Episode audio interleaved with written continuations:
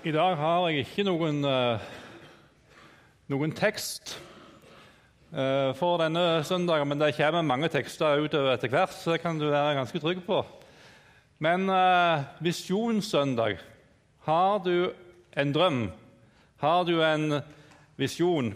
Kanskje noen lurer på hva, hva i all verden er det som kommer i dag fra talerstolen? Jeg kommer ikke til å komme med noe revolusjonerende nytt. Jeg har et ønske om at vi skal løfte blikket utover, at vi skal løfte blikket framover. Hvor går vi egentlig hen? Hvor går jeg hen? Hvor går vi som fellesskap? Hvis vi tar neste bilde. Eh, visjon eh, har han Bill Heibels lagd en definisjon på. Et bilde av framtida som frembringer lidenskap i deg. Jeg vet ikke om du har tenkt noe sånn på det. Hva er det, hva er din, hva er det som er din hensikt for ditt liv? Er det noe du ser der framme som du kjenner at det skaper en lidenskap inni deg. Noen kan jo ha mange ting som skaper lidenskap i seg. Noen kan jo ha noen hobbyaktiviteter som framskaffer lidenskap i deg. Men er det noe i forhold til det som har med Gud å gjøre, som framkaller en lidenskap i deg, og som har med framtid å gjøre? Eh, vi skal ta noen eksempler fra historien. William Wilberforce Eh, er det noen som har hørt om han? Helt sikkert. Han var en eh, britisk politiker. Og han drømte om den dagen det ikke lenger vil være slik. Han hadde en åndelig oppvåkning og omvendelse som, som fikk stor betydning for hans liv, både sosialt og politisk og kirkelig. Og han eh, kjempa eh, Han husker spesielt for kampen imot eh, slavehandelen. Og i 1807 ble eh, slavehandelen forbudt. Og i 1833, tre dager før hans død, ble slavehandelen endelig vedtatt avskaffa i Storbritannia. Han så et bilde inn i framtida. Han drømte om den dagen det ikke lenger var sånn som han så det i dag. Eh, Billy Graham eh, han er jo en som fremdeles lever, men han er jo veldig gammel. da. Han er født i 1918, han er 98 år. Eh, og han har hatt stor betydning for mennesket. Han hadde en drøm om å fylle sportsarenaer rundt om i verden med mennesker som var langt borte fra Gud. Det bildet så han inn i framtida, og så begynte han å holde store korstog, store møtekampanjer. Og 230 millioner mennesker har fått høre evangeliet gjennom hans virksomhet. Og Vi trenger ikke gå så langt ut. Vi kan bare gå inn her. Uh, I 1890 eh, så var det noen kristne ungdommer her i byen som kjente at uh, disse tolv millioner kinesere som dør hvert år uten å ha hørt om Jesus De samles i bønn, de gjorde noe med dem. Og ut ifra denne forsamlinga her så starta det vi i dag kjenner som Norsk Luthers Misjonssamband, men det tidligere heter det jo Kinamisjonen. Og Der Maria Monsen òg var en viktig brikke i det arbeidet ute i Kina. Hvis vi reiser i dag og kikker hva er skjedd med Kina?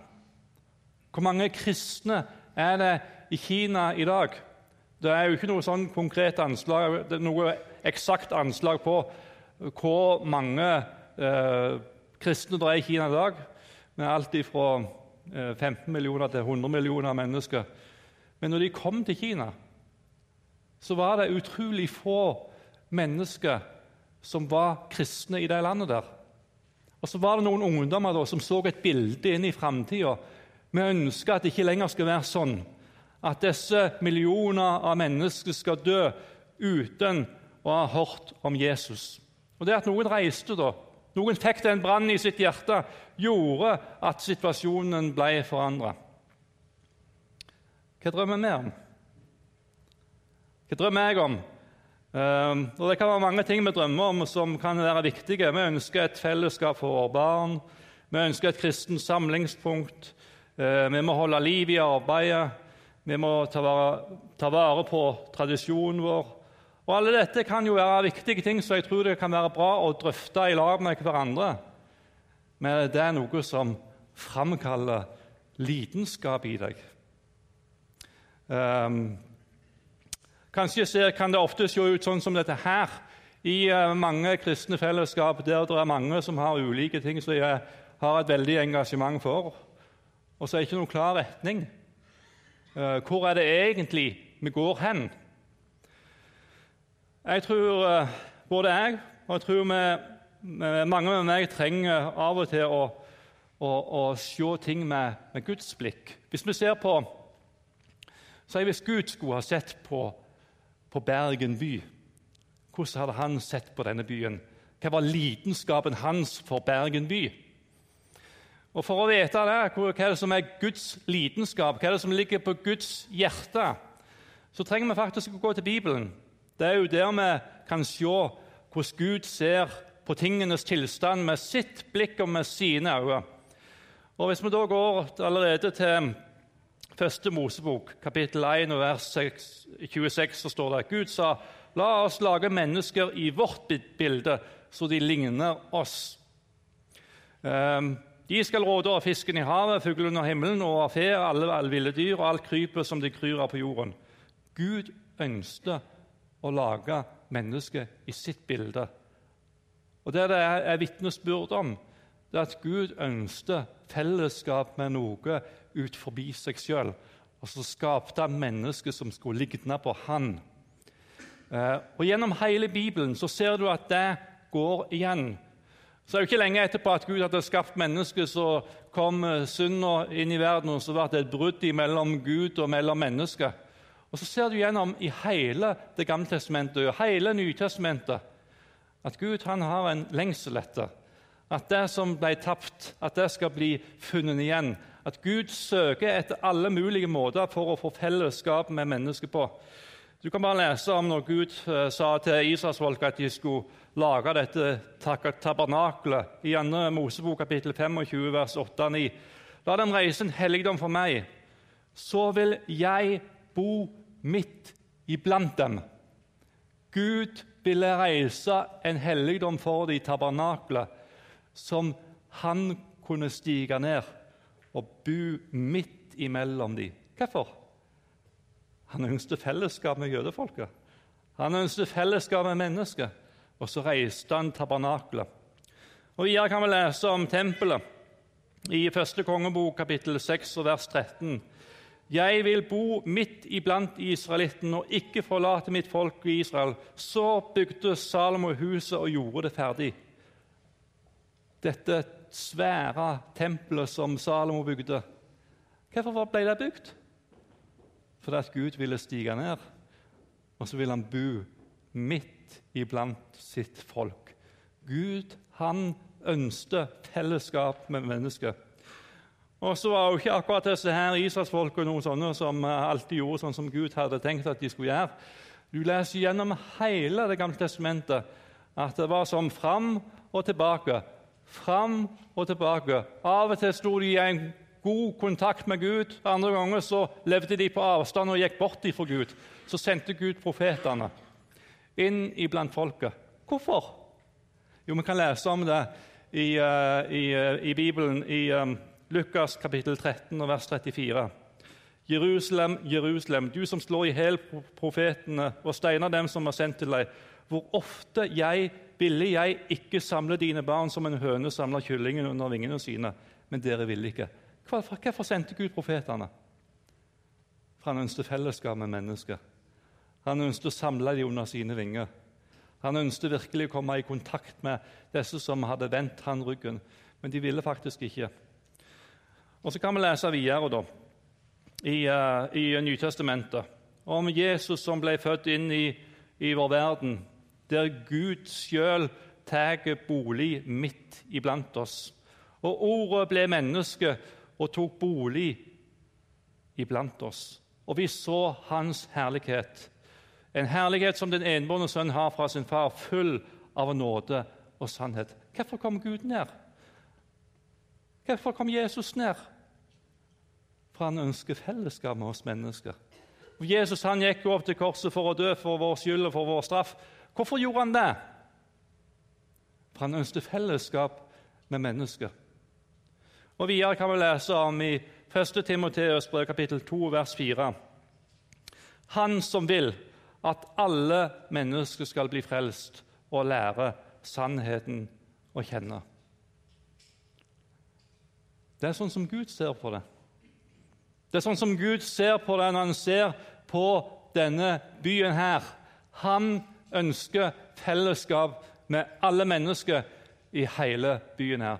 Det er det som ligger på Guds hjerte, det er det som er hans lidenskap. Og så spør jeg igjen hva drømmer vi om? Hva drømmer vi om? Ser det sånn ut? Eller er det sånn at vi får den retninga på hva vi drømmer om, som Gud har? Det han har et inderlig ønske om at alle mennesker trenger virkelig å få møte Jesus og få et nytt liv i han. Kjennetegnet på alle kristne bevegelser det er at de har fått Guds drøm ned i sine hjerter, planta ned i dem. Der de, der de begynner å åpne boka, der de begynner å åpne Bibelen, og så begynner de å lese om hva som ligger på Guds hjerte. Hva er det virkelig han har gjort for oss? Hva var det pris var det Jesus betalte, ikke bare for meg, men for alle mennesker i hele verden? Og så framkaller blikket av denne kjærligheten som Gud har gitt til oss, den tenner en lidenskap i folk, sånn at de kan gjøre ofre alt og så følger de Jesus.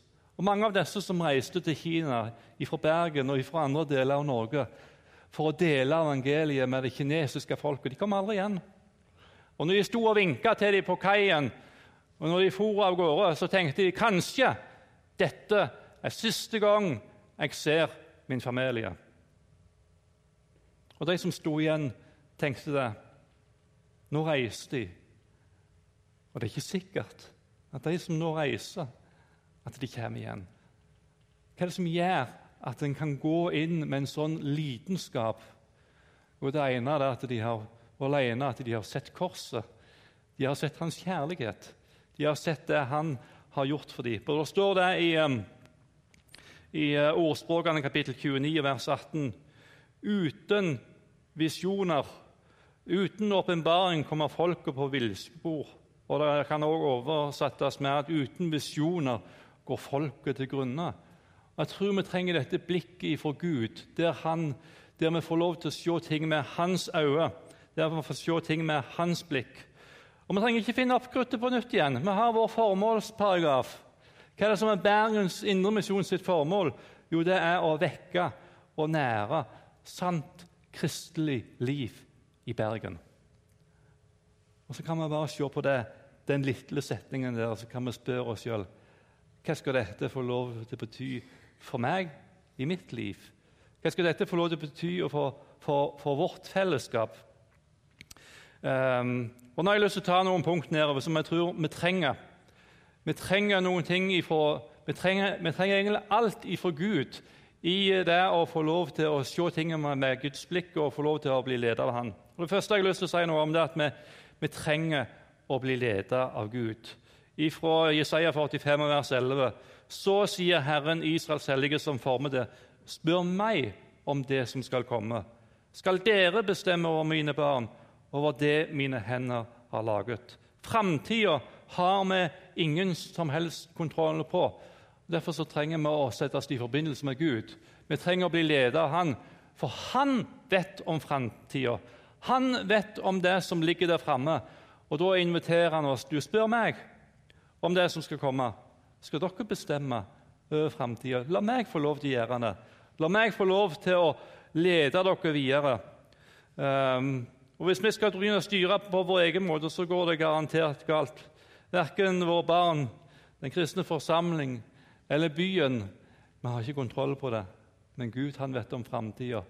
Da trenger vi å spørre han, Gud, led oss i dag, sånn at det som er dine planer for framtida, virkelig kan få lov til å bli en virkelighet. Det andre jeg har lyst til å si noe om, er at sinnet vårt trenger fornyelse. Det står i Romerbrevet 12 og vers 2.: Innrett dere ikke etter den nåværende verden, Men la dere forvandle ved at sinnet fornyes, så dere kan dømme om hva som er Guds vilje, det gode, det som er til glede for Gud, det fullkomne. Her ser det nesten ut som det er en slags motsetning. Innrett dere ikke etter den nåværende verden, men gjør noe annet i stedet for. Som om det er noen sånne, en motsetning mot hverandre. Hvis du innretter ditt liv etter denne verden, så er det vanskelig at sinnet blir fornya. Derfor så sier Bibelen velg å la sinnet ditt bli fornya eh, i fellesskapet i lag med Gud, og la Han få lov til å forme vårt indre. Vi trenger lys ifra Guds ord. Det står i Salme 119, vers 105.: Ditt ord er en lukt for min fot og et lys for min sti. Hvis vi skal høre fra Gud, og hvis vi skal bli ledet av Han, og hvis vi skal forstå tingene på hva, som, hva, som, er Hans måte å tenke på, så trenger vi å høre fra Gud. Vi trenger å lese Guds ord. Vi trenger å åpne Bibelen og se hvordan er det du ser på denne verden med ditt blikk, og la det få lov til å forme oss og våre liv og våre tanker. Vi trenger lyset ifra Guds ord. Og så Nå skal jeg nærme meg slutten. Vi trenger korsets kraft. Vi trenger virkelig korsets kraft. For ordet om korset er en dårskap for dem som går fortapt. Men for oss som blir frelst, er det en Guds kraft.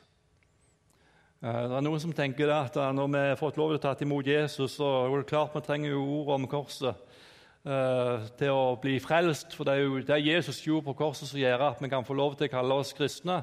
Men her står det at ordet om korset det er Men for oss som blir frelst, er det en Guds kraft. Hvis vi ikke får lov til å ha blikket på Jesus, på den korsfesta, hva er det da vi har å gå med?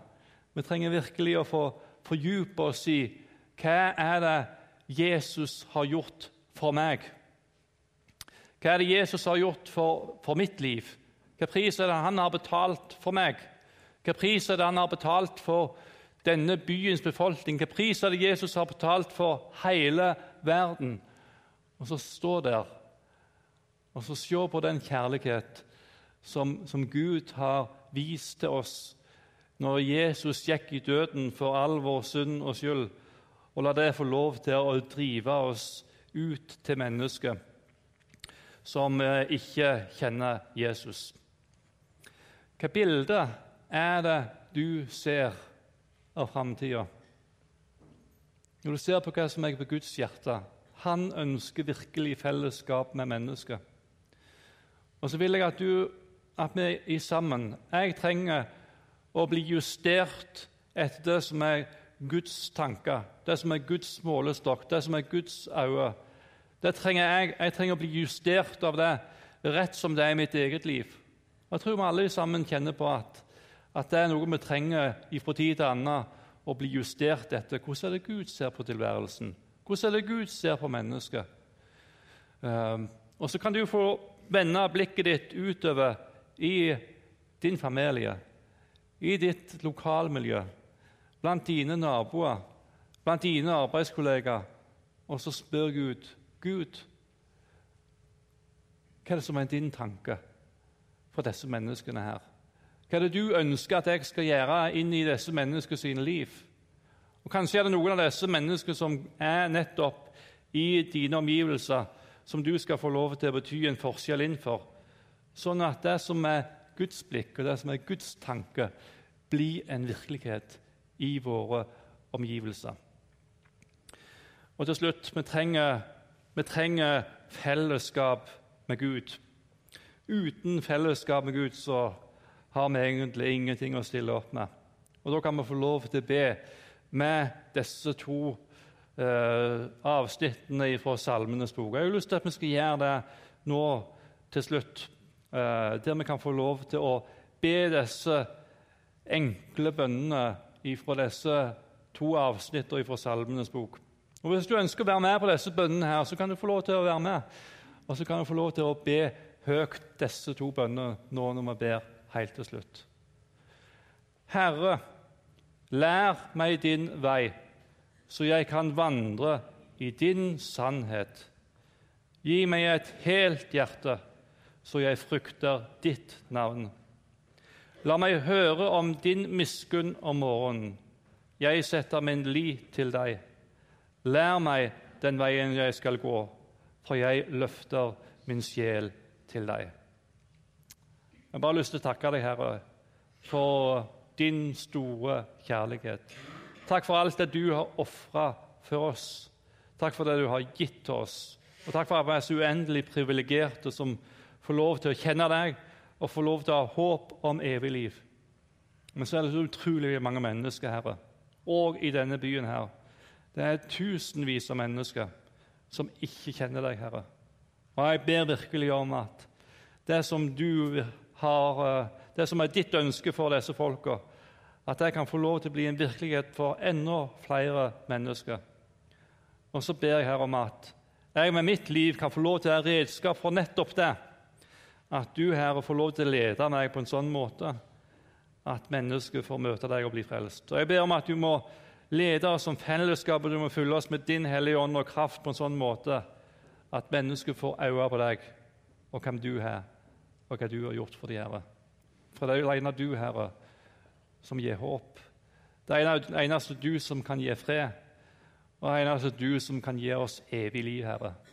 Derfor så ber jeg om at ditt ønske, din drøm, Herre, din visjon for menneskene i denne byen her, at det kan bli en virkelighet.